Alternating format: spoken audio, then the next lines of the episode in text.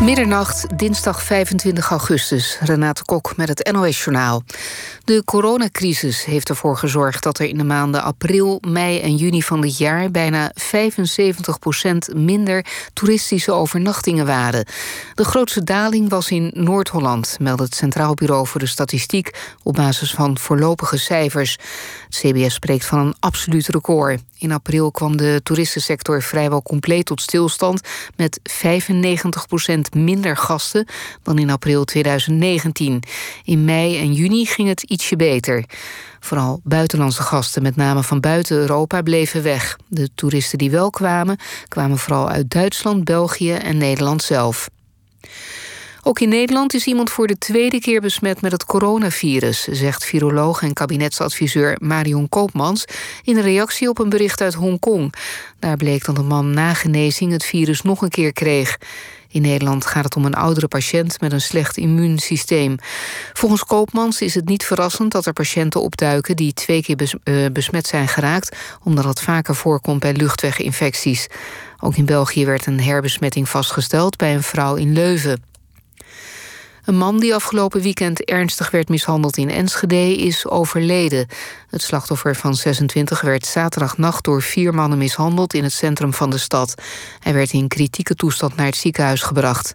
Een aantal verdachten heeft zich een dag later op het politiebureau gemeld. De aanleiding voor die mishandeling is nog onduidelijk. De rechtstreekse treinen van Amsterdam en Rotterdam naar Londen gaan vanaf 26 oktober rijden. Volgens de NS is de komst van de Eurostar-verbinding een paar keer uitgesteld vanwege de coronacrisis. De reistijd vanuit Amsterdam naar Londen wordt iets meer dan 4 uur, vanuit Rotterdam 3,5 uur. Het weer is wisselend bewolkt en op een enkele bui na droog. Het koelt af naar een graad of 13. Later overdag gaat de bewolking snel toenemen. En dan gaat het af en toe regenen, vooral in de noordwestelijke helft van het land. Het gaat ook stevig waaien en het wordt 17 tot 20 graden. Dit was het NOS Journaal. NPO Radio 1. VPRO. Nooit meer slapen.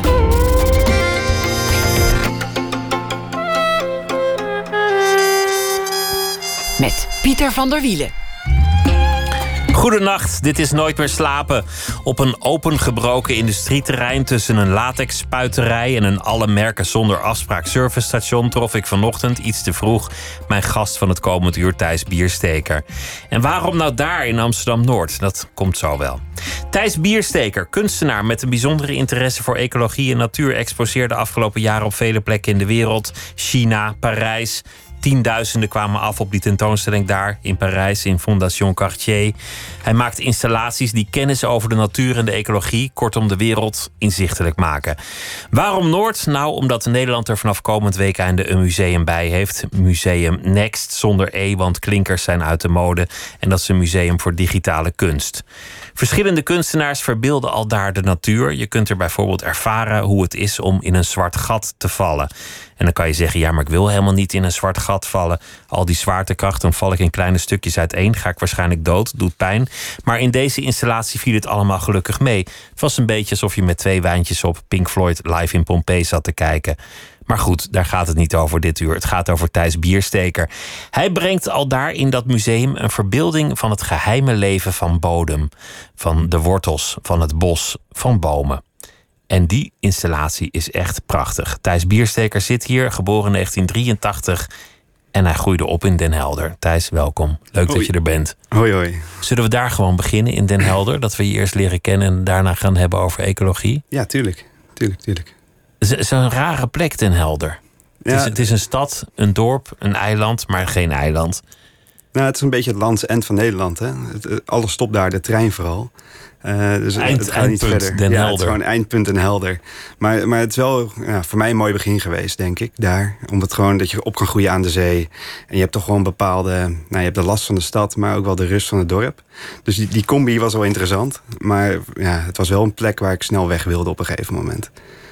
Dus dat is... Uh, ja, het was, een, het was een goed begin. Laat het daarop houden.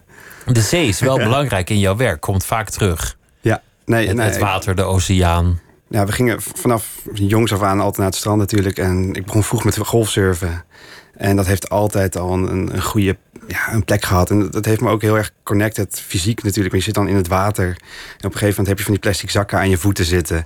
En denk je, ja, waar komt dit vandaan? En dan word je een beetje boos over. En je ziet dat groeien over de jaren, want je doet het al jaren.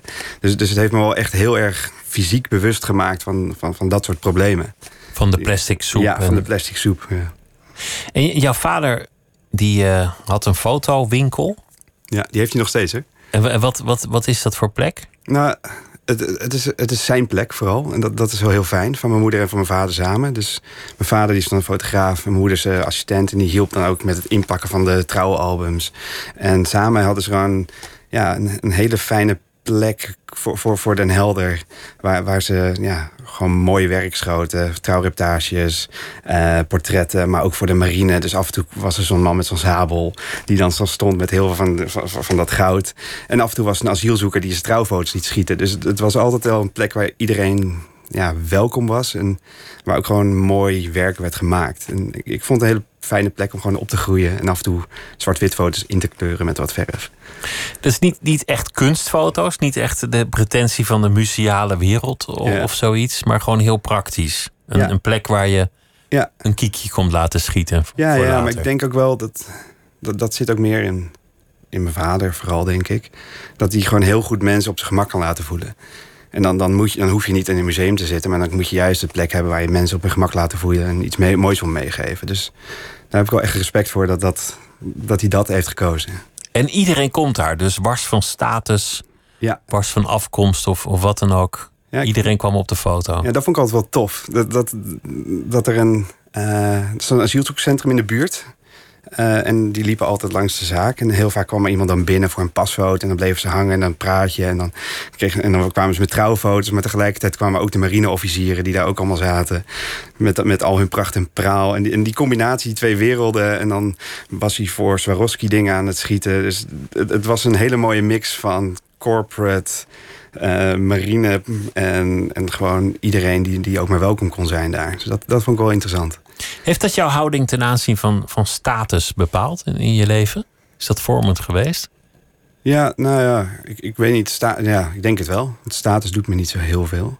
De, de, mijn moeder zei altijd, de bakker heeft uh, de dokter nodig... en de dokter heeft de bakker nodig.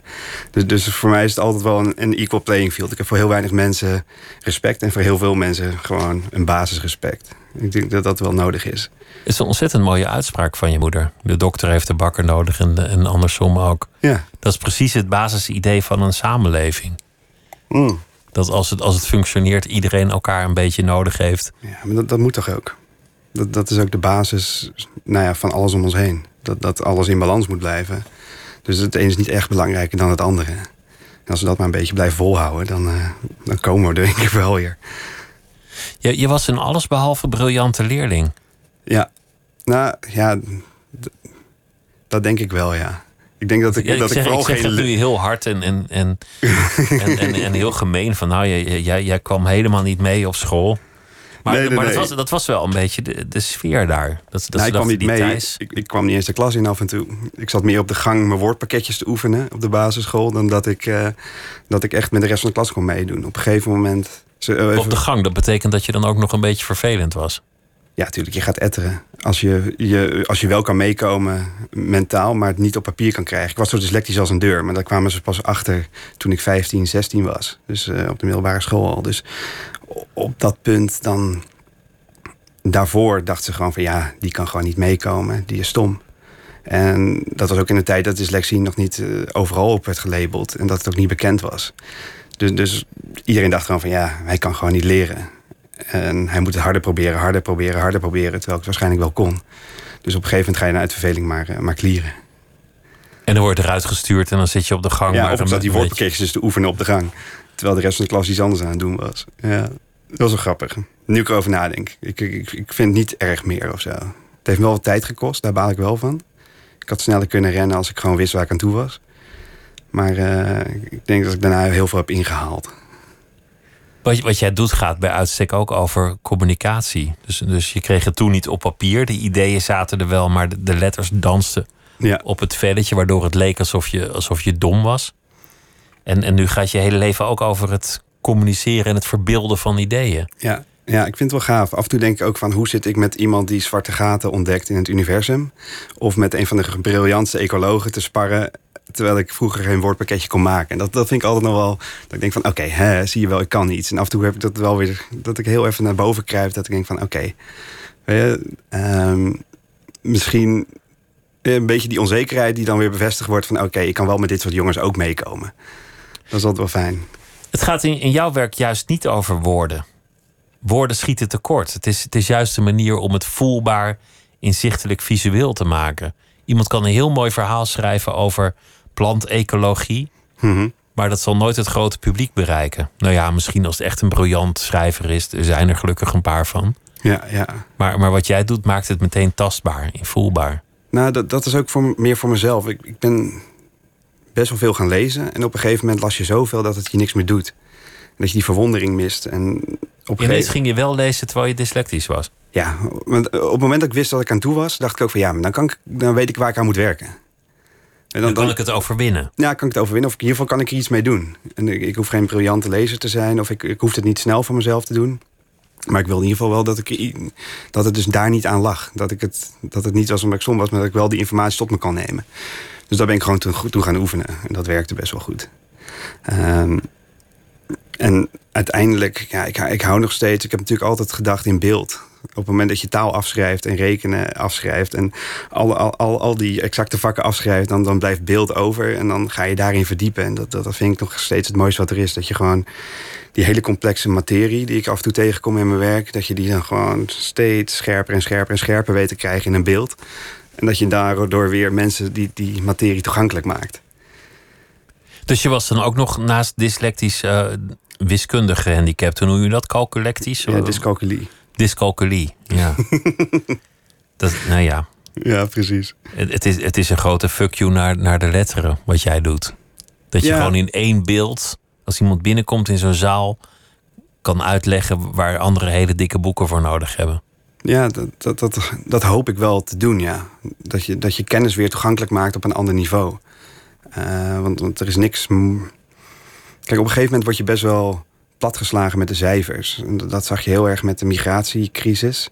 Dus dat je op een gegeven moment alleen maar nummers hoorde. Van hoeveel mensen komen er binnen. Maar geen verhalen en geen emotie en geen, geen ziel meer in die nummers kan vinden. Dus hoe krijg je die complexe stromen dan weer tot iets wat je weer weet te raken? En ik, ik, denk dat een beeld dat heel goed doet. Maar dan moet je wel al dit vooronderzoek hebben gedaan. Te weten precies welke snaar je raakt. Maar ook waar je mensen heen wil laten bewegen. Welke, uh, hoe zeg je dat? Welke boodschap je wil overbrengen daarmee. Welk beeld het het beste samenvat. Ja. Was, was er thuis, als je vader fotografeert, veel kunst? Nee. Had hij geen fotoboeken? Nee, museums waren te ver weg, Den Helder. En uh, fotoboeken... Er hangt volgens mij zelfs niet eens echt een foto bij ons thuis. Behalve misschien een paar pasfotootjes. Ja, dat is wel interessant heb ik niet over nagedacht. Hoe kwam het dan toch je, je bestaan in? Nou, ik, ik denk dat. Ik wist niet wat ik kon. En op een gegeven moment kwam er een computer in het lokaal. En daarmee kon ik ontwerpen met Photoshop. De eerste versies daarvan heel langzaam. Toen, toen, kwam grunge op. Dus toen, was ook wel een beetje die hele stijl. Van, en ik zat in de surf scene, dus dat kwam allemaal samen. En dacht van, ja, dit kan ik ook. Dit is gewoon gaaf. En toen ben ik dat gaan maken. En toen op een gegeven moment bracht mijn vader me mee... naar de grafisch vormgever van de marine. Die zegt, nou ja, misschien is dit dan wel wat voor je, weet je. Als je dan... En, en toen zei ik, ja, nou ja, er is, in ieder geval iets, er is in ieder geval iets in te verdienen. Er is in ieder geval een beroep die dat doet. Dat wist ik toen ook niet. En toen kwam ik achter Graaf Lyceum. En toen ben ik om mijn vijftiende naar het Graaf Lyceum gegaan. Dus naar Amsterdam. Dus heb ik elke dag heen en weer gereisd. Vanaf Den Helder naar Amsterdam. Om, om daar grafische opleiding echt te doen. Dus gewoon hardcore ontwerpen. En, uh, en zelfs nog een beetje boekdrukkunst. Ja, echt, echt, echt, het ambacht. Ja, dat vond ik wel echt tof. Je hebt een carrière gehad en, en succesvol ook in, in de reclame. Ja. Waar, waar je echt van, van alles hebt gedaan. Dat, dat ligt op bepaalde manieren dicht bij wat je nu doet. Want je moet ook in één beeld een boodschap vatten of in één beeld iets maken of, of tot een goed ontwerp komen. Ja. En er is een moment geweest dat je dacht, ja, ik, ik ben er wel. Je had, je had daar natuurlijk goud geld kunnen verdienen, eeuwig mee door kunnen gaan. Je was er, was er ook goed in. Wat was het moment dat je dacht, ja, maar dit, dit is het gewoon niet, joh? Ja, het, het was wel. Kijk, ik, ik ben daar ingerold vanuit de academie. Uh, dat ik op een gegeven moment ehm, dacht, ik hou van ideeën. Ik, ik hou van de puurheid ervan, van het samenvatten van complexe materie tot één compelling argument. En dat vond ik heel gaaf. En toen begon ik daaraan. En op een gegeven moment, na een paar jaar, was ik op een uh, shoot voor een biermerk. Uh, nee, voor James Bond, voor, voor Heineken. En we zaten daar. Uh, en toen kwamen ze op een gegeven moment terug. Dus was met Daniel Gregg en de Bond Girl en alles erop en eraan. Iedereen was daar, glitter, glamour. Glitter, glamour, rock and roll, runners, alles erop en eraan. En toen zaten we daar en toen zeiden ze van... ja, we hebben weet ik veel hoeveel miljard liter bier meer verkocht. En dacht ik, ja, weet je...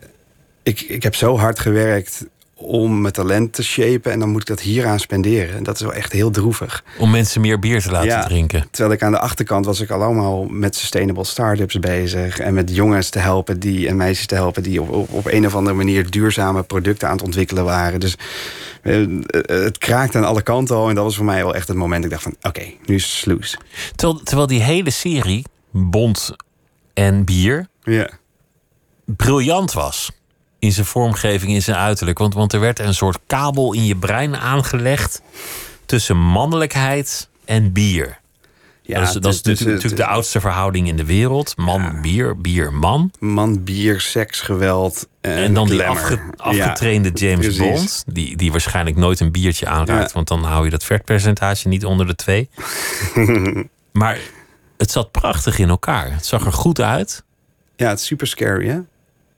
Dat, dat het echt. Scary? Nou, het is natuurlijk heel. Het tapt in alle, uh, in alle zwaktes die je maar kan voorstellen. Dus, dus alle zwaktes die je als, als, als mens dan hebt. Want ik wil als man masculine ervaren worden. Ik wil succesvol zijn. Ik wil mooie vrouwen om me heen hebben. Weet je, en dat krijg ik dan door middel van dit. Dat is gewoon niet fair. Weet je, dan speel je in op, op, op alle onzekerheden van mensen. Terwijl ik, terwijl ik liever op de kracht inspeel van wat ze wel kunnen. En als, als medicijn reik je dan uit wat waarschijnlijk deel van het probleem is. Ja, precies. Waarom die sportwagen en die vrouw en dat lichaam er nooit zullen komen. Ja, en waardoor je waarschijnlijk nog meer problemen gaat krijgen. In, uh, later. Ja, als je het zo ja. zegt, snap ik dat je op een gegeven moment dacht, nou, we zijn er wel. Ja. Nou, en dan, en dan was, het, was het echt een, een, een, diepe crisis in je bestaan? Of viel het ook Nee, nee, nee, nee, want ik, was al, ik wist al dat het niet lekker zat. En dat ik, op de academie was ik al afgestudeerd in anti-reclame. En Anti-reclame? Het, het, zat, het zat al niet goed. Wat en, is dat eigenlijk, anti-reclame? Nou, een soort adbusters. Gewoon mensen die het perspectief verdraaien van, van reclame. Uh, door tegen zich te laten werken. En ik, ik, denk... Daar was ik altijd al mee bezig. Maar op een gegeven moment raak je, denk als je jong, jonger bent, ergens in. En dan gaat het goed en dan gaat het succesvol. En dan denk je, ja, dit is al heel tof. En dan ga je door en dan ga je door. En op een gegeven moment moet je gewoon een stop hebben. En dat, ik was al beginnen met, begonnen met afremmen, om het zo maar te zeggen. Het, begin van, van, van, een, van, van de stop zat er al aan te komen. Maar dat was echt voor mij mijn tipping point. Ik dacht van ja, als ik hier al geen energie uithaal, als ik dit.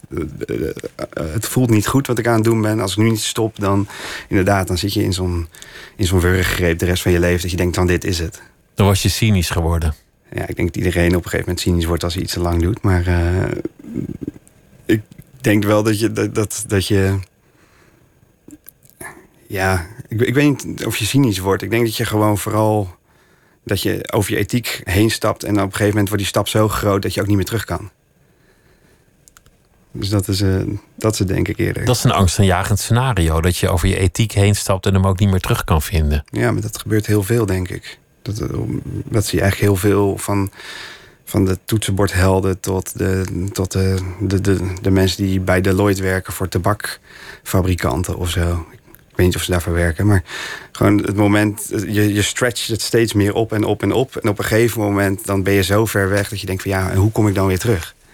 En dan heb ik zo mijn eigen gelijk gecreëerd of mijn eigen wereld en met alles erop zit. En eigenlijk zit ik een beetje fout, dat weet ik wel, want ik heb daar een afslag gemist. En hoe vind je die weer terug? Oh, over, over de moraal. Echte moraalridder lijkt je me toch ook weer niet. Maar veel van je werk gaat er wel over. Nou, ik, ik, uh, we kunnen best een hoge moraal hebben. We hoeven niet meteen een. We hoeven niet meteen op, op een hoog paard te zitten om een beetje moraal nee, toe te ik, laten. Ik, ik, ik, ik hoef ook niet een moraalridder te zijn. En dat, dat vind ik ook iets heel engs. Want als je, als je, als je nu ziet wat er, wat er gebeurt over eigenlijk de hele wereld. Uh, is, is dat alles wordt opgedeeld in kampen.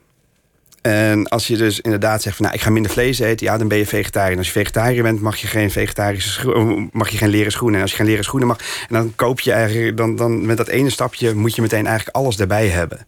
Dat is altijd een heel flauw argument. Als iemand dan, dan vegetariër is of veganist of wat dan ook, dat dan meteen met mensen zeggen van haha, je polsbandje van je horloge. Ja, die is ook. Ja, maar dat is het precies. Dus dat, dat je als je één goede stap neemt, dan moet je uh, dan moet je de rest ook doen. Terwijl als je, je een stap terugneemt, dan, dan verwacht niet iedereen dat je topcrimineel wordt. Dat is toch ook raar. Dus, dus die, die, die twee kanten, dat, dat klopt gewoon. En daarom vind ik het zo eng om moraalridder uit te hangen op een of andere manier. En dat, dat zit ook niet in me. Maar als je niet mensen de eerste stap laat zetten, rustig aan, in, in een meer bewust in een meer bewustzijn over hun omgeving, over de natuur, over alles om hen heen. En meteen zeggen, ja, maar als je hier één stapje doet, dan moet je hier, dan moet je gewoon bij dit kamp gaan horen. Ja, dat is niet fair. Dat, zo werkt het niet. Zo maar nooit... iets meer moraal, iets meer ethiek zou voor iedereen wel ja, dat, werken. Ja, we gaan nu de andere kant heel hard op. Alles wordt opgerekt naar de extreme. Terwijl het mag best. Noem eens een voorbeeld daarvan. Nou ja, kijk, als je de, politiek, de politiek is natuurlijk het beste voorbeeld. Discussies die we nu hebben, zouden we nooit, zouden we vijf jaar of tien jaar geleden nooit hebben gehad. Eh, het veld wordt door extreme opgerekt. De media, wat dat betreft, geeft ook gewoon een beeld weer wat hele extreme geeft die een podium. Waardoor het middenveld steeds ruimer wordt. En, en dan krijg je dus inderdaad die twee kampen. Dat is een beeld waar, waar ik me absoluut in herken. Ja, ja mooi. Ja. en dat is eng, toch? Dat je, dat je denkt van ja, weet je, ik, ik snap dat goed nieuws geen nieuws is, maar de, de, de extremen horen ook geen nieuws te zijn. Dat zijn gewoon de extreme. Dus dat is een, een uitzondering die echt als in, incident moet worden weergegeven. In plaats van iets wat, wat uh, hoe zeg je dat? Wat gewoon wordt ervaren nu. Mensen gaan zelf ook kwistig met hun aandacht om. En de instituten die die aandacht richten, beroepshalve, die, die doen daaraan mee. Dat, dat 90% van waar je aandacht op gericht wordt, is natuurlijk gewoon totale onzin. Ja. Zonder van je tijd en je energie. Gaat helemaal nergens over. Ja, nou ja, je hebt ook rust nodig. Dus als het nergens over gaat, is het af en toe wel heel lekker. Dat is lekker ontspannend, dan is er niks aan de hand. Dat is ook niet erg, toch? Dat je denkt van, eh, als, als ik 100% van mijn tijd boeken moet gaan lezen en over alle problematiek, eh, over de klimaatverandering en over de vervuilende zeeën en de zuurgraad en alles moet gaan nadenken, dan ga ik ook. Ik heb af en toe ook gewoon even binge-watchen nodig. Of gewoon iets van inademen of uitademen op een andere manier. Dat je denkt van even iets rust inbouwen. Dat, dat is oké. Maar goed, er zijn ook heel veel dingen waar je heel erg druk over moet maken, die niet belangrijk zijn. Die een soort angst aanjagen. Dat soort dingen. Ach, weet je, laat even zitten. laten we het over je werk hebben. Dat is misschien interessanter op dit moment. Want, want we hebben nog helemaal niet besproken wat voor werk je maakt, wat voor dingen dat zijn. Ja. En om dat uit te leggen, is het misschien goed om terug te gaan naar wat je vorig jaar hebt gedaan in Parijs. Ja, dus, dus wat ik maak is, ik, ik, ik maak werk over uh, de grote problemen van deze tijd. Over de ecologie, over de klimaatverandering, over de vervuiling. En dat probeer ik eigenlijk heel tastbaar te maken. Uh, op, een, op een toegankelijke manier. En ik doe dat altijd samen met wetenschappers. Dus het, het werk in Parijs, uh, dat, dat heet The Voice of Nature en Symbiosia. Dat zijn twee werken die zijn gebaseerd op het, op het krijgen van data uit bomen. Dus wat we hadden gebouwd is een systeem uh, waarbij je dus uit bomen kon je, konden we data krijgen. Dus samen met TU Delft en uh, met Stefano Mancuso, hij is een plantneurowetenschapper, hebben we dus een systeem ontwikkeld waarbij we dus eigenlijk kunnen meten hoe een boom zich voelt, uh, hoeveel hij drinkt, hoeveel fotosynthese die bedrijft en tegelijkertijd ook wat de impact is van de klimaatveranderingen op, dat, op dat moment. Je meet het welzijn van de boom. Ja. En, dat, en dat verbeeld je dan, zodat het voor het publiek zichtbaar wordt hoe het met dus, de dus boom normaal gaat. creëert een boom creëert een boomring. Dus één keer per jaar groeit hij een stuk. En dat, dat zijn dan boomringen. En aan die boomring kan je eigenlijk zien hoe hij zich heeft gevoeld dat jaar. Dus als ze dikker van elkaar zijn, dan groeien ze sneller. Als ze dichter bij elkaar zijn, dan, uh, dan had hij een slechte jaar. Als er veel bogen in zitten en veel kronkels in zitten... dan was er veel meer vervuiling of veel meer invloed van buitenaf. Dus op die manier konden we een systeem maken... Uh, van boomringen die continu werden gemaakt door die sensoren. Dus we pakten die datastroom... eh, van, van hoe die boom zich voelde. En daar maakte boomringen van. En die zetten we dan tussen die bomen in. Alsof het een soort röntgenapparaat was. Hoe je kan zien hoe die boom zich voelde op dat moment in het, het huidige klimaat. En het stond in Foundation Cartier. En het was wel gaaf als daar dus een verkeersopstopping naast de deur was. Dan zag je ook die hele, dat hele kunstwerk en al die boomringen helemaal gaan vervormen door de CO2 die, die, die, die, die daar naar binnen kwam drijven. Jullie versnelden dat proces. Ja. Dus wat normaal een heel langzame meting is, dat maakten jullie Ja. snel en direct. Ja, en, en toegankelijk dus ook. Dus je, je creëert dan een soort taal die het voor mensen eh, inzichtelijk maakt wat nou echt de impact is van klimaatverandering op die natuur op dat moment. En een, een soort bruggetje, een soort, eh, ja, een, soort, een soort, nieuwe taal tussen ons en de natuur. En ik, ik denk dat dat wel een, een- iets, iets is wat ik heel graag doe. Dus dat je een soort. ehm, dat je die datastromen pakt die best wel abstract zijn en toegankelijk maakt voor mensen. En dat je op een gegeven moment kan, gewoon kan zien aan iets hoe, hoe je ermee om moet gaan. Of wat het nou doet of hoe het werkt. En ik, ik denk dat dat ook in dat nieuwe werk bij Next gewoon heel erg eh, naar voren komt. Je hebt het gezien. Nog- Ja, want, ja, Want, want jullie openden in augustus vorig jaar in Parijs. Binnen, Mhm. binnen twee dagen waren er al een belachelijk getal. 20.000 mensen geweest of zoiets. ja, tof hè? En, en dat, dat ging zo door. Het is ook een aantal keer verlengd. Ja. Uiteindelijk zijn echt tienduizenden mensen daar langsgekomen. En omdat het augustus was, gebeurde er iets wat uiteindelijk heel mooi was. Er, er was een hittegolf. Ja, Een, Ja. een hele warme periode. Ja, het, het gave aan, aan, aan dit soort algoritme gedreven werken, om het zo maar te zeggen, dan. Als ik weet niet meer wat er gebeurt. Dus ik zet de parameters, ik zet de sensors op, het staat in de tuin en het beweegt gewoon gedurende de dag gebaseerd op de luchtkwaliteit, op de zon, op de humidity. En als er dan zo'n hittegolf komt, dan zie je dat werk gewoon helemaal uitslaan. En je zag het gewoon veranderen. En dat we echt inderdaad van het museum vraag krijgen van... hé, hey, hoort dit? Is dit nog gedeelte van het werk? En dat je ook denkt van ja, hier hebben we ook niet op geprogrammeerd. Dit- Dit weet zo'n hittegolf. Je ziet gewoon, je zag gewoon dat de bomen het slecht deden. En je zag dan ook gewoon, zelfs de tuinman daar... die zag dan op een gegeven moment van... oh ja, in de, aan het werk van... oh, er moet nu bijgewaterd worden... want nu wordt het gevaarlijk voor, voor mijn prachtige tuin die, daar, die je daar hebt. Het werd angstaanjagend. Ja, maar ook je voelde de droogte. Het werkt dus ook als een tool voor zo'n tuinman die dan weet wat hij moet doen. En dat vond ik ook wel heel gaaf. Dat hij dan gewoon daarheen kan gaan en zeggen: Oh ja, inderdaad, ik zie nu dat wat er gebeurt onder de grond en met, met de natuur. Dus ik ga nu bijsproeien. Wat ik mooi vind aan dat gegeven is dat jij iets ontwerpt. En dat je niet precies weet wat er gaat gebeuren. Ja, Dus je creëert iets en daarna gaat het een eigen leven leiden. ja, en dat, Het is dat- niet meer in jouw handen. ja want anders is het, ah, anders is het saai voor mezelf. dus Ja? ik, ik, wil natuurlijk na, na een paar maanden of na een week terugkomen en denk van, oh, is, dit kan het ook doen. Dus dat, dat ik zelf ook weer verbaasd ben. Want anders dan, ja, hang je hetzelfde hang je schilderijtje niet op de muur en denk van, ja, dit is het dan. Tada. En nu ontwikkelt het zichzelf. Dus dan kan ik na een paar weken terugkomen en denk ik van, oh ja, inderdaad. En dan raak ik ook weer een beetje betoverd. En ik vind het wel gaaf dat het zijn eigen leven gewoon gaat leiden op een gegeven moment. Dat, het gewoon dat het gewoon vrij verder gaat zonder dat ik daar enige invloed nog op heb of, of wil hebben. Je verbeeldt wetenschappelijke kennis en, en brengt zoiets aan de man. Thijs Biersteker zit hier, voor wie net eh, inschakelt of voor wie het vergeten was. en hij is eh, eh, kunstenaar. En, en je had het over de bioneurologie of de neurobiologie. Ja, En, en dat is een, een term die omstreden is bij sommigen. Omdat mensen zeggen van ja, bomen zijn niet intelligent. En, en die wijzen elke insinuatie van intelligentie bij bomen af. ja. En een van de argumenten om dat te doen, en dat vind ik dan ook weer niet intelligent, is dat bomen geen hersens hebben. Ja, Wat kijk, natuurlijk raar is, want misschien zit intelligentie wel in de wortels of in de tak. Ja, kijk jij die, veel? die definitie, definitie van intelligentie die je hanteert, da- daar gaat het natuurlijk allemaal om. Eh, dus wat is intelligentie en hoe, hoe stretch je dat? En ik heb daar best wel wat met Stefano ook over gehad. Hij is die, die, De Italiaanse wetenschapper. Ja, de Italiaanse wetenschapper die daar superveel boeken over heeft geschreven. En het idee dat je dus intelligentie behoudt tot iets wat een centraal systeem heeft, zoals wij een hersenpan hebben, eh, wa- waar, waarin alles gebeurt, in plaats van eh, dat het decentraal is, dus dat het ook in de wortelen kan zitten, net zo goed als in de bladeren, net als goed als in de, in de stam zelf, eh, is natuurlijk iets wat, heel erg mens-eigen is. Dat, dat de intelligentie toedichten aan alleen ons. Als je weet wat bijvoorbeeld bij octopussen... dat een gedeelte van hun, hekt, van hun hersenen ook net zo goed in hun tentakels zitten.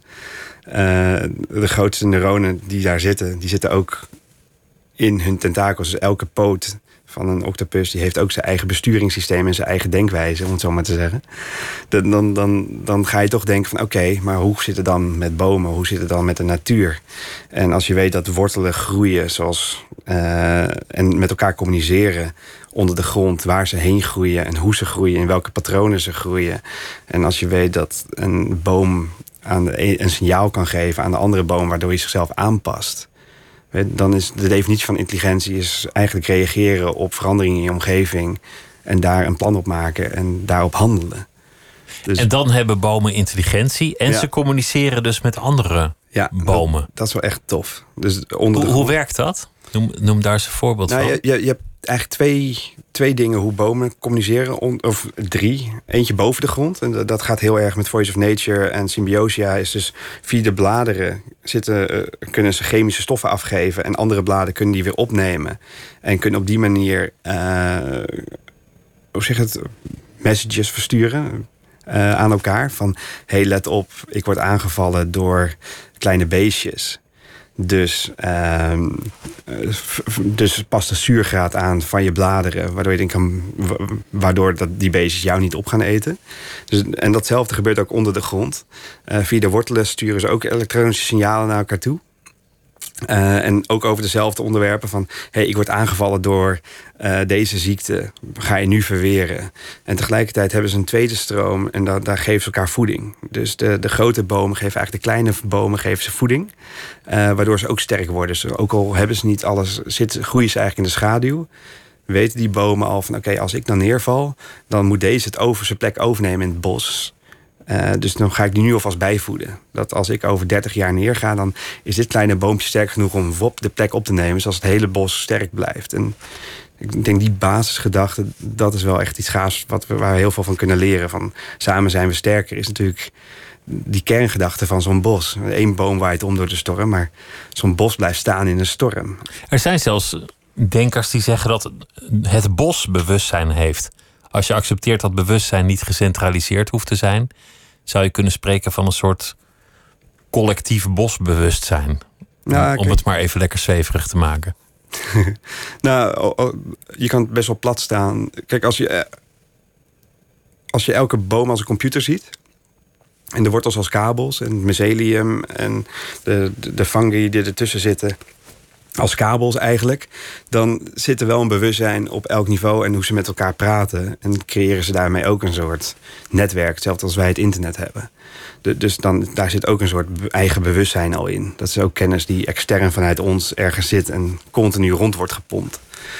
Je, je hebt dat verbeeld in, in dat nieuwe museum dat komend week aan de open gaat in Amsterdam. En, en het is een kunstwerk dat wederom reageert op wat er in de omgeving gebeurt. Ja, dus we hebben Um, we hebben uit gerecyclede oude flessen uh, hebben we een hele grote, met 3D-printers, een hele grote glasalgachtige wortelsculpturen gemaakt. Um, en daarin projecteren we eigenlijk hoe de wortels onder de grond zouden communiceren. Dus ik heb in die kamer, uh, daarbij bij het Next Museum, hebben we de de sensoren nagebouwd die eigenlijk normaal in wortels onder de grond zaten. En die reageren op die omgeving uh, hetzelfde als ze ondergrond zouden doen. Dus als de CO2-levels omhoog gaan, dan reageert het werk. Dus het begint de communicatiestromen te stromen.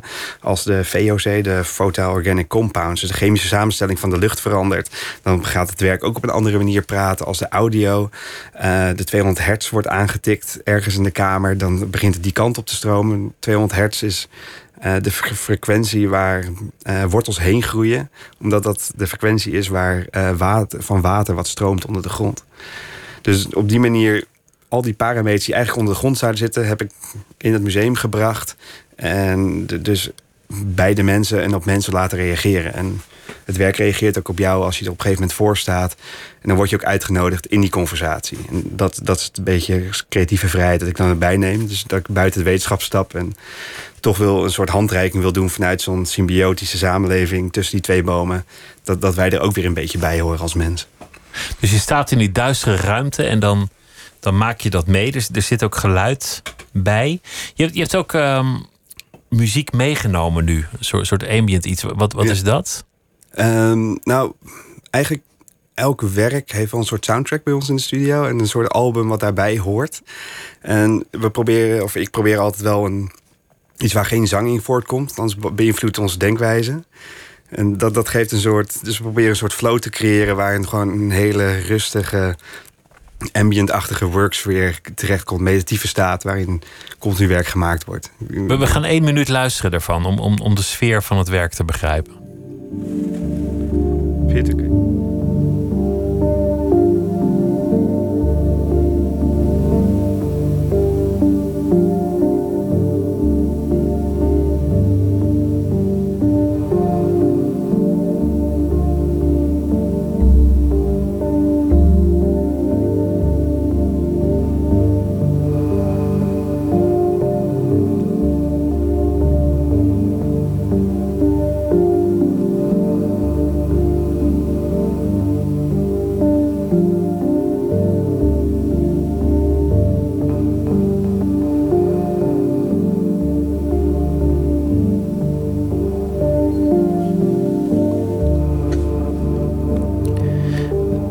Dit is een soort soundtrack van, van het werk. Was het ook bij het creëren al iets dat jullie aan hadden staan als, als inspiratie? Ja, dit is niet de soundtrack. De soundtrack is door End of Time gemaakt. En dat zijn de jongens die ook eh, heel veel van die meditatieve apps maken.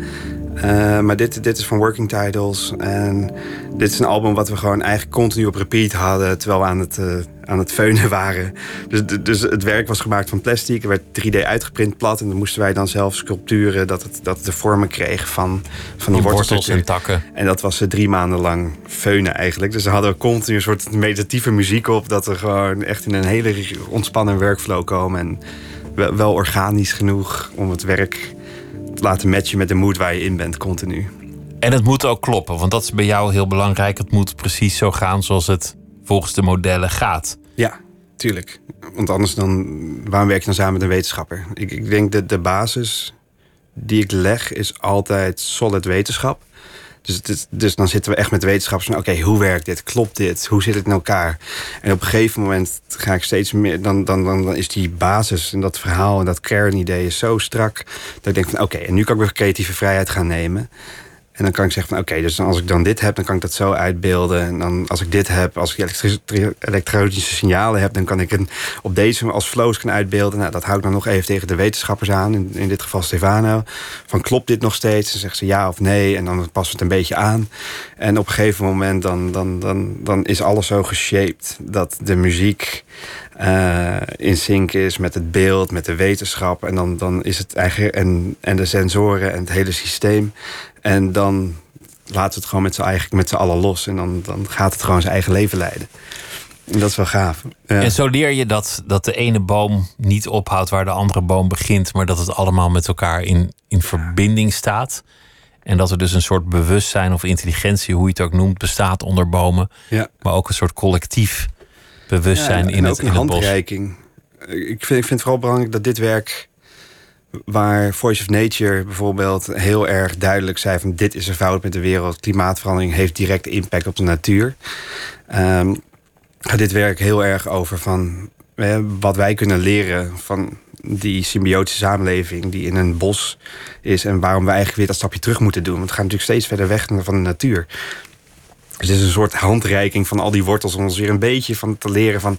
Hey, kijk, als we zo met elkaar samenwerken, dan blijft het altijd gebalanceerd. En dan, dan, dan blijven we ook een beetje in balans met elkaar. Het gaat niet om de individuen, het gaat ook om het, om het collectief. Ja, precies. We hadden het al over de zee en het, en het surfen, dat, dat in jouw jonge jaren heel belangrijk eh, was. En, en nog steeds is dat Ja. iets wat je, wat je doet. Je hebt toen op een zeker ogenblik werk gemaakt. Het gaat over één sigarettenpeuk in de zee. Ja. En hoeveel effect dat heeft. Dat was, eh, dat, dat, is Pollutive Ends. En dat was zo'n ding... Heel vaak dan lees ik onderzoeken... En dan schrik ik me dat ik echt denk van... ja, waarom weet ik dit niet? En dit, dit was echt zo'n ding... Dan, we liepen buiten de studio, ik kwam er eentje tegen... en toen dacht ik van, nou...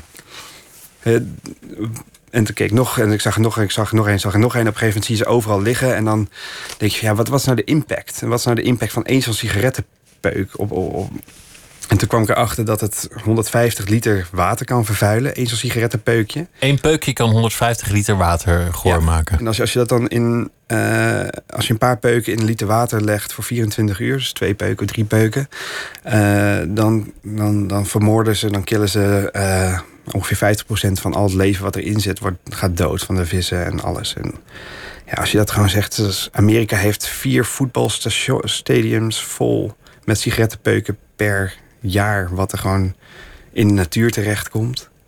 En die aantallen zijn enorm. Dus dan ga je dat doorrekenen. Dan ga je, eh, dan ga je daar onderzoek naar doen. Op een gegeven moment kreeg ik toen de vraag in Beijing van maak een werk.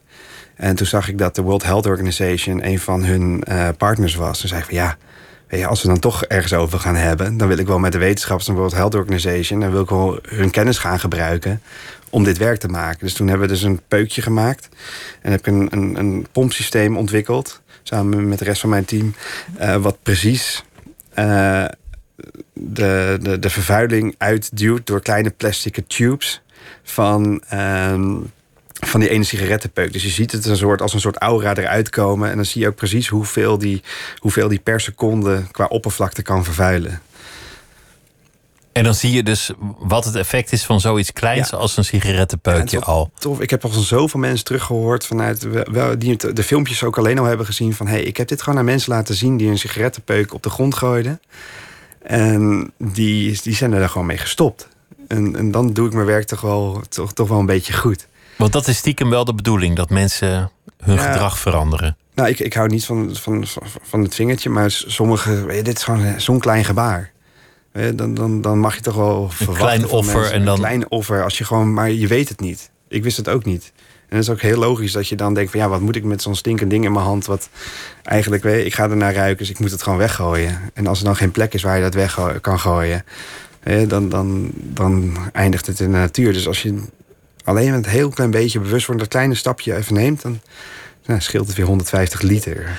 Het, het doet me ook denken aan waar we het eerder over hadden in dit gesprek, over de reclame. En Ja. dan de, de lijn die is getrokken tussen mannelijkheid en bier.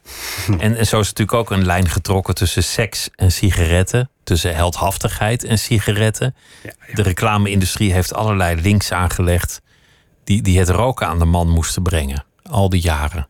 Ja, en, en vergeet ook niet de dokters. Die zeiden dat, dat filters goed waren. Dus het is natuurlijk een hele de, de dokters die zeiden dat Camel gezond was. Ja, precies. En, en toen, toen we het onderzoek aan het doen waren naar dit werk... kwamen we er ook nog achter dat filters helemaal geen effect hebben. Dus letterlijk, ze filteren niet. Ze zijn er gewoon als marketing om het idee te geven van... Roken kan wel degelijk gezond zijn. Nou, of minder dat- ongezond. dat er gefilterd wordt. Want er wordt helemaal niet gefilterd. Dus gewoon de stoffen komen er gewoon net zo hard weer doorheen. Dus het is gewoon letterlijk echt hete lucht. Die, ze zijn ook super onnodig, die filters. Dus, dus, dus het is echt aan alle kanten klopt het dan niet meer. En op een gegeven moment denk je echt van ja, waar moet ik dan beginnen met het werk? Toen begon ik van oké, weer terug van je, wat mij het persoonlijk het meeste raakte, gewoon die, die, die 150 liter en dat ene peukje. Oké, nu gaan we werk maken. Je wilt verbeelden, jij wil die wetenschap ontsluiten voor, voor de menigte. Maar het, het museum is natuurlijk een beperkte plek. De mensen die daar komen, ik heb de indruk dat, dat, dat het niet het, de grootste gemene deler van de samenleving is. En dat veel mensen zijn welwillend. Maar ik heb, ik heb niet echt de indruk dat je iedereen bereikt. En misschien ook niet de mensen die je het liefst zou willen bereiken. Ja, eh, antwoord is moeilijk. Want Iemand die naar jouw expositie gaat, die, die is waarschijnlijk al bekeerd. ja, Anders, anders, ga je, anders ga je er niet naartoe. Want, want je Nou- gaat niet naar ecologische kunst als ecologie je aan je reet zal Kijk, roesten. Hetzelfde als bij, eh, bij het museum op Noord of bij een museum eh, waar dan ook ter wereld ben ik wel al vaak de uitzondering die daar staat, die puur daarover gaat. Kijk, als een hele environmental show is en je gaat erheen, dan is speech preaching for the choir. Maar als dit soort werk tussen, Tussen eh, andere tussen dingen het andere staat. werk staat, dan bereik je al iets meer daarmee. Eh, ik vind het belangrijk om heel vaak publiek werk, werk wat reist. Dus we hebben nu één werk in, in wat heel Ierland aan het rondreizen is. Wat begonnen is in een museum en dat gaat dan rond naar scholen, naar andere dingen om bewustwording over plasticvervuiling, eh, interactief plasticwerk gaat het. Dat, dat reist dan daar rond en dat is echt super tof. En tegelijkertijd maken we altijd een registratie die we online delen. En die opeens ook gaat vliegen. Dus dat, dat, dat, dat werk wat we voor, van die sigarettenpeuk, wat we voor Beijing hebben ontwikkeld, kwam bij, een, bij uh, WDR Art in Duitsland terecht en is toen een paar miljoen keer bekeken daar. Uh, dus dan, dan gaat het ook wel zijn hele eigen leven leiden als, als, als los filmpje en als content bijna. Dus, dus dan. Bereik je wel degelijk mensen? Ja, dan ga je buiten het museum. Maar een museum is wel een plek. En waar mensen meer openstaan voor nieuwe inzichten. Want daar kom je tenslotte ja. voor. De, de, om dus, iets te ondergaan. En, en dan kan je ook nieuwe gedachten en nieuwe patronen aanbrengen. Wat, wat makkelijker staan als je ervoor open staat. Dus het is ook wel uh, een veilige plek om iets moois neer te zetten. En waar je die verdieping kan bieden. Het is ook iets, iets dat jij heel erg zocht, verdieping. Je wilde juist weg van, van de wereld waarin je terecht was gekomen, waarin verdieping voor jou in ieder geval ontbrak. Waarin je creatieve dingen deed, maar, maar dat was nou net het ene deel wat je, wat je niet eruit haalde. Ja, ik denk een soort honger naar kennis. Uh, heb ik als inhaalslag misschien. Maar uh, en, en dat je op een gegeven moment toch meer gaat verdiepen in stukken, in, in wetenschappelijke stukken. En dat je dan dingen tegenkomt die uh, dat je denkt van ja, waarom weet ik dit niet? En waarom weten anderen dit niet? En dat je dan inderdaad gewoon een soort urge voelt om, om die verdieping over te brengen, maar wel op een manier dat, nou ja, dat, dat je een soort lift aanbiedt om op die verdiepingen te komen. Dus dat je het gewoon makkelijk toegankelijker maakt voor mensen om ook zo'n moeilijk onderwerp begrijpbaar te maken. Ik denk dat, dat dat zit in de reclame, dat zit in kunst heel vaak. Uh, dat, dat complexe problemen worden uh, toegankelijker samenge samengevat. Dus dat, dat vind ik wel ja, fijn eraan. Hoe somber ben je over de wereld? Over de planeet? Ja, niet. Dat kan niet. Als, als ik dat ga doen, dan word ik inderdaad cynisch. En dan, dan ga je. Ik, ik maak me super zorgen. Um, een, ieder, iemand die dat niet doet, die heeft zijn hoofd best wel in het zand gestoken. Ik maak me heel erg zorgen over de aankomende jaren, wat gaat gebeuren met massamigraties en met, uh, met de hele klimaatverandering als geheel. Um, maar ik geloof wel dat er tipping points zijn. En niet alleen maar door heel innovatief te zijn, maar ook op human scale, dus op ons gedrag. En dan vooral op governmental level, dus gewoon de overheid die richtlijnen gaat uitzetten. Daar geloof je toch wel in, uiteindelijk? Ja, uiteindelijk gebeurt daar wel het meeste. Wat, want wat ik eigenlijk interessant vind aan misschien meer jouw generatie, is dat, dat heel veel mensen gewoon het doen, gewoon aan de slag gaan. Niet wachten op een ander. Ja, ja. Ik meen dat wel te herkennen hier en daar. Ja, ik denk, als wij het niet doen, wie doet het dan wel? Dat, dat, is, dat is denk ik de kern. Moeten we dan weer een generatie wachten? Je, als je Black Lives Matter ziet ook... en alle andere movements die bezig zijn... is ook gewoon van... ja, we kennen het uitstelspelletje nu wel. Kom op, let's go. En daar heb je dus fuel voor nodig. Daar heb je kunst voor nodig en cultuur voor nodig... die, die, die dat reflecteert. Uh, daar heb je wetenschap voor nodig die dat onderbouwt. En daar heb je gewoon een, een massa nodig die bewust is op een niveau dat ze ook echt die verandering kunnen aanbrengen en willen aanbrengen. Eh, en ik denk dat zie je gewoon nu veel vaker. Het begint met het niet uitstellen. Ja. Met de urgentie eraan verlenen. Ja, en die urgentie begint met het begrijpen. En het begint met communicatie erover. En het begint met het toegankelijk maken van die communicatie. En daarom doe ik wat ik doe. Uiteindelijk. Om het gewoon, dat, dat begin, als die fundering goed is, weet je, dan kunnen we met z'n allen gaan rennen. Als je maar gewoon weet waar we het over hebben en wat de speerpunten zijn ongeveer. Hoe is, hoe is dat proces voor jou? Want, je, want jij zoekt samenwerking met um, wetenschappers. Ja. Je, je kiest een onderwerp uit, dan ga je samen aan de slag. jullie hebben een team om je heen. Um, dan moet je uiteindelijk nog ergens een curator vinden die dat, die dat wil gaan doen. ja. En, en het lijkt me eigenlijk wel een spannend proces omdat het aanvankelijk zo moeilijk uit te leggen is wat je gaat doen. Nou, ja, en dan komt reclame skillset weer goed terecht. Dus want, want dat heb je daar geleerd? Ja, gewoon je kan heel goed een idee uitleggen. En dat is wel echt lekker. Dus dat, dat, dat aan de ene kant kan ik het heel snel concreet maken voor mensen waar het ongeveer heen gaat. Um, en tegelijkertijd kan je dan heel snel ook een plan in elkaar zetten van oké, dit is wat we ongeveer nodig hebben qua mensen, qua wetenschap qua, en, qua ruimte. Dus dan ik, ik denk dat het, het, het heel fijn is dat je gewoon dan op een gegeven moment kan zeggen: jongens, dit is wat we gaan doen. Zijn we het hier met z'n allen eens? Dan ga ik nu de wetenschapper erbij zoeken. En dan bel je die op, zeg ja, sorry, ik ben een kunstenaar, stay with me here. Ik, maar ik kan wel wat dingen, dan stuur ik af en toe wat werk van tevoren al heen. Dan denk je, oh ja, hij kan, hij kan ook wel, hij snapt deze taal, hij spreekt onze taal. Uh, en we hebben een, soort formule samen gemaakt dat we ook hoe we met ze samenwerken. Dus dat ze ook niet te veel tijd kosten.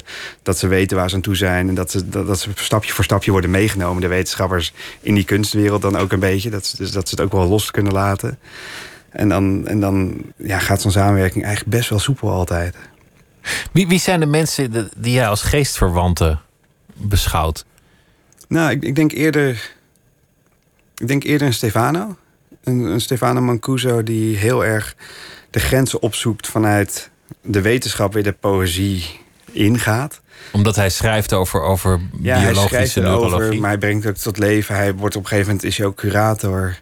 En hij, hij, hij, hij brengt die bij elkaar. En ik, ik weet niet, we hebben net een werk gemaakt samen met de ESA... met Henk Hoekstra van de van Leiden Universiteit. En dat iemand dan binnenkomt in je studio... en dan toch vanuit zijn, van, vanuit zijn uh, uh, hoe zeg je het, universiteitsomgeving opeens zo'n bouwplaats binnenkomt. Waar alles gebeurt en uit zijn comfortzone stapt en dan toch dat gesprek aangaat met een kunstenaar. Daar heb ik gewoon zo'n respect voor dat, dat, je dat, dat je dat durft. Dat is natuurlijk, op een gegeven moment moeten wij ook elkaars taal gaan proberen te spreken. En dat, dat, dat is wel iets wat ik heel erg moest leren. Maar wat, wat, ik heel erg respect voor heb voor mensen die het nooit hebben geleerd, maar die het wel gewoon dan doen. Dus, dus daar vind ik wel echt mijn verwanten dat ze hun comfortzone uitstappen. Je wordt wel eens vergeleken met Daan Rozengaarde, die, die in Nederland heel bekend is. Ja. Is dat iets waar je iets, iets mee voelt? Ik, ik denk aan het begin heeft hij het heel goed gedaan voor kunst en innovatie aan elkaar te koppelen en, en techniek.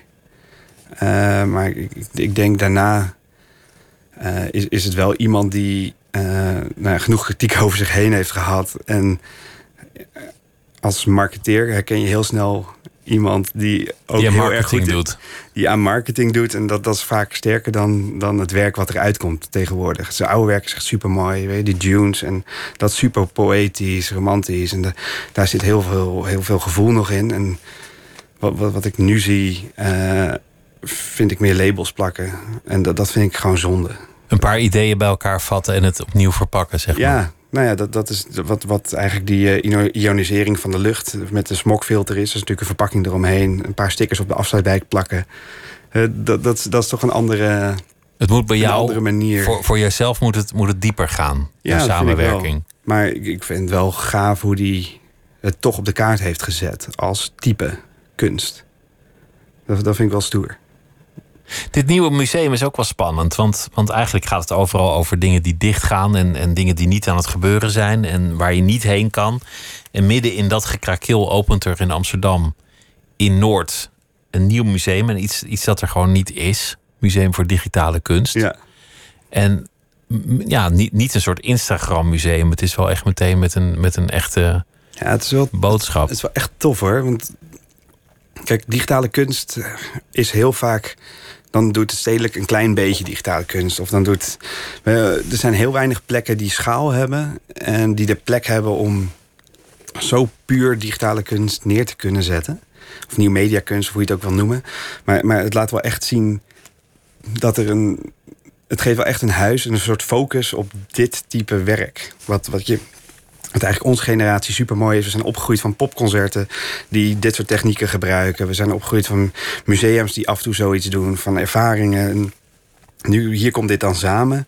Dat je echt denkt van ja, oké, eindelijk heeft het een soort focuspunt, een soort plek gevonden waar, waarin je eigenlijk gewoon laat zien van oké, dit is dus die digitale kunst, dit is hoe dat eruit ziet, dit zijn de vormen daarvan. En hier staan we nu. Je noemt uh, popconcerten, dat, dat was een, een, een, eh, tour van Massive Attack, ja. alweer bijna twintig jaar geleden, waarin ze visuals hadden die op allerlei manieren met statistieken verbeelden waar we in de wereld mee bezig waren. Ja, tof hè. En dat, dat ging real time tijdens dat concert. Dus zij wilde laten zien wat er tijdens dat concert gebeurde. Ja, dat is, aan, uh... aan sterfgevallen, aan, aan opwarming, aan waterverspilling, et cetera. Alle mogelijke statistieken die je kon bedenken, Ja, dat is gaaf. Dat Tijdens was- die anderhalf uur. Dat is UVA, dus die staat, die staat ook in het museum. De, grondleggers van, van dat werk. Eh, die hebben toen als een van de eerste werken die zo digitaal en real-time waren, eh, dat voor Massive Tech gedaan. Die staan dus nu ook met een werk. Mijn oude helden, om het zo maar te zeggen, die staan dus nu naast me. Dat, dat was destijds was dat, was dat echt. Nou ja, dat, dat blies je echt omver als je, Ja. als je dat zag. Ja, maar dat is toch tof. En daar zijn we nu toch nog veel verder mee. Als je gewoon alles ziet wat met de artificial intelligence aan het gebeuren is. Als je gewoon ziet met die lerende systemen die, die wij nu af en toe gebruiken. Dat je echt denkt van ja, inderdaad, dat, dat, dat die grens opzoeken. Dat, dat een werk continu aanpast aan de realiteit. En dus die, die speed of culture meemaakt en, en bijblijft. Dat, ja, dat maakt deze tijd en dit museum en dit soort type werk natuurlijk super interessant. Theo Jansen van de Strandbeesten, die, die, die zei in een gesprek met, met, dat ik met hem had een tijdje geleden alweer, dat zijn wens is dat zijn werk hem ontstijgt. Dat het even een eigen leven leidt. Dat er Ja. een moment is dat, hij, dat er iets gebeurt dat hij als ontwerper ook niet meer had voorzien. Ja, dat, dat hoop ik al, alleen maar eigenlijk. Continu. Dat is toch, dat, eh, voor mij is het natuurlijk ook saai. Dan werk je maandlang aan een werk en dan is het af en dan, moet het, dan is dat het. Je, dat voelt misschien leuk als afronding, maar daarna wil je gewoon. Je wilt dat het doorleeft. Ja, groter is dan jou. nou, sowieso. Het moet nooit onder mijn ego passen. Maar ik heb, ik heb liever dat het werk in de spotlight staat dan eh, dat ik dat doe. Een soort Frankenstein-kunst eigenlijk. Hoe bedoel je dat? Nou ja, dat, dat de creatie de, de ontwerper ontstijgt. Oh, nee, ik, Frankenstein is voor mij iets wat slecht aan elkaar genaaid is. Maar, en Zo ziet het er meestal uit. Maar eh, nee, nee, nee. Ja, dat, dat het gewoon zijn eigen leven gaat leiden. En dat je op een of andere manier... ehm, ja, niet weet hoe het verder gaat ontwikkelen. Ook al heb je de parameters meegegeven... dat je dus echt weer verbaasd kan zijn over wat je zelf hebt gemaakt. Dat is echt super fijn. En, en ik denk qua thematiek eh, vind ik wel dat, dat, dat de ideeën groter moeten zijn dan jij als ego of als persoon. Of nou ja, wat Theo ook zegt. Op een gegeven moment wil je dat het je ontstijgt en dat het niet jou, dat het, dat het daarbuiten staat. Zou, je, zou je niet een volledig zelflerend systeem willen ontwerpen op een dag? Nee, maar daar hebben we Google voor. Dat, dat, Dat, dat ontstijgt nee, ook dat, weer de... dat, dat is wetenschap, dat is quantum physics. Dat, daar ga je echt een kant op die, eh, die waar ik nooit de budgetten voor heb. En ook niet. Ik, ik gebruik techniek als verf. Dus eh, het is heel, heel goed om dat onderscheid te maken, denk ik. Ik ontwikkel geen techniek, ik ontwikkel de wetenschap niet. Maar ik gebruik het wel als mijn verf, om het zo maar even plat te slaan, eh, om mijn werk te creëren. En ik, ik, als ik een idee maak en als ik een idee bedenk, dan zoek ik altijd naar de beste techniek om dat te gaan verbeelden. En als ik dan op een gegeven moment in de technieken dingen ga doen, dat, dat interesseert me eigenlijk niet zo heel veel. Ik moet gewoon, tenzij het, het nog niet echt bestaat, wat ik wil dat het uit gaat beelden, dan, dan ga ik helpen of dan ga ik zoeken. Maar het zelf ontwikkelen, dat, dat, ik, ik hoef ook niet zelf mijn pigmenten te mengen, terwijl er veel, iets veel beters op de markt is. Het is uiteindelijk wel gewoon kunst om, Ja. om mooi te zijn. Dit werk is daar nog een, een tijd te zien, eh, vanaf aanstaande zaterdag. Daarna gaat het op reis naar, naar heel veel plekken. En Ja. wat wordt, wordt nu jouw eh, volgende ding? Want hier ben je dan een beetje klaar mee. Ja, ja, daar ben ik wel blij mee eigenlijk. Dus, Dat het er staat ik, en ik, hangt. ben nu, dit is een heel poëtisch werk. En ik, ik wil nu iets heel concreets gaan maken. En dat gaat over hoeveel CO2 wij gebruiken door ons internetgebruik. Want we hebben met COVID hebben natuurlijk zoveel MB'tjes versleten bijna. Door thuis te Door zitten thuis met te zitten, internet te aan. zoomen, door te skypen. En als je weet dat 1 MB 20 gram CO2 uitstoot is... dus dat is 16, 160 meter rijden met een auto is 1 MB. Dus een uurtje Netflix is 30 kilo CO2. Dus daarmee eh, gaan we nu een nieuw werk maken... Wat, waar je zelf op kan inbellen met Zoom... en wat dan uiteindelijk dat omzet in CO2-pufjes. Echt wolkenrook die daar dan uitkomen... en een soort biotoop vergiftigen. Want het, het lijkt zo onschuldig thuis eh, Netflixen. Ja, ja, kijk, het is hetzelfde als heel veel werk wat ik maak. Dat, dat de, de impact wordt verlegd. Dus we maken impact, we, hebben, we, we doen iets. Maar aan de andere kant van de wereld gaat er iets kapot. En ik, ik denk dat heel belangrijk... Daarom is, is, is dit nu zo- zo'n belangrijk werk. Dat je zegt van ja, we, we zijn hier wel aan Netflix... maar je weet je wel wat, wat, wat het uiteindelijk gaat veroorzaken. Down the chain. Iets inzichtelijk maken dat je anders niet uh, recht onder je neus hebt. Ik wens je heel veel plezier daarmee en ik uh, dank je dat je te gast wilde zijn.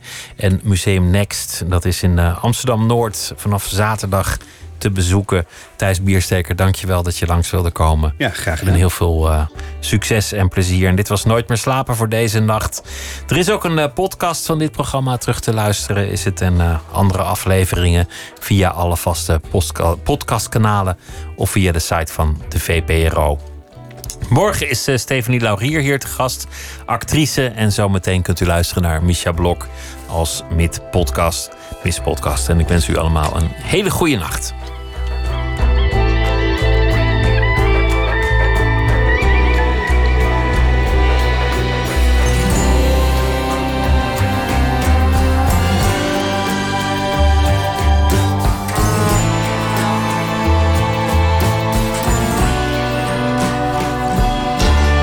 Radio 1, het nieuws van alle kanten.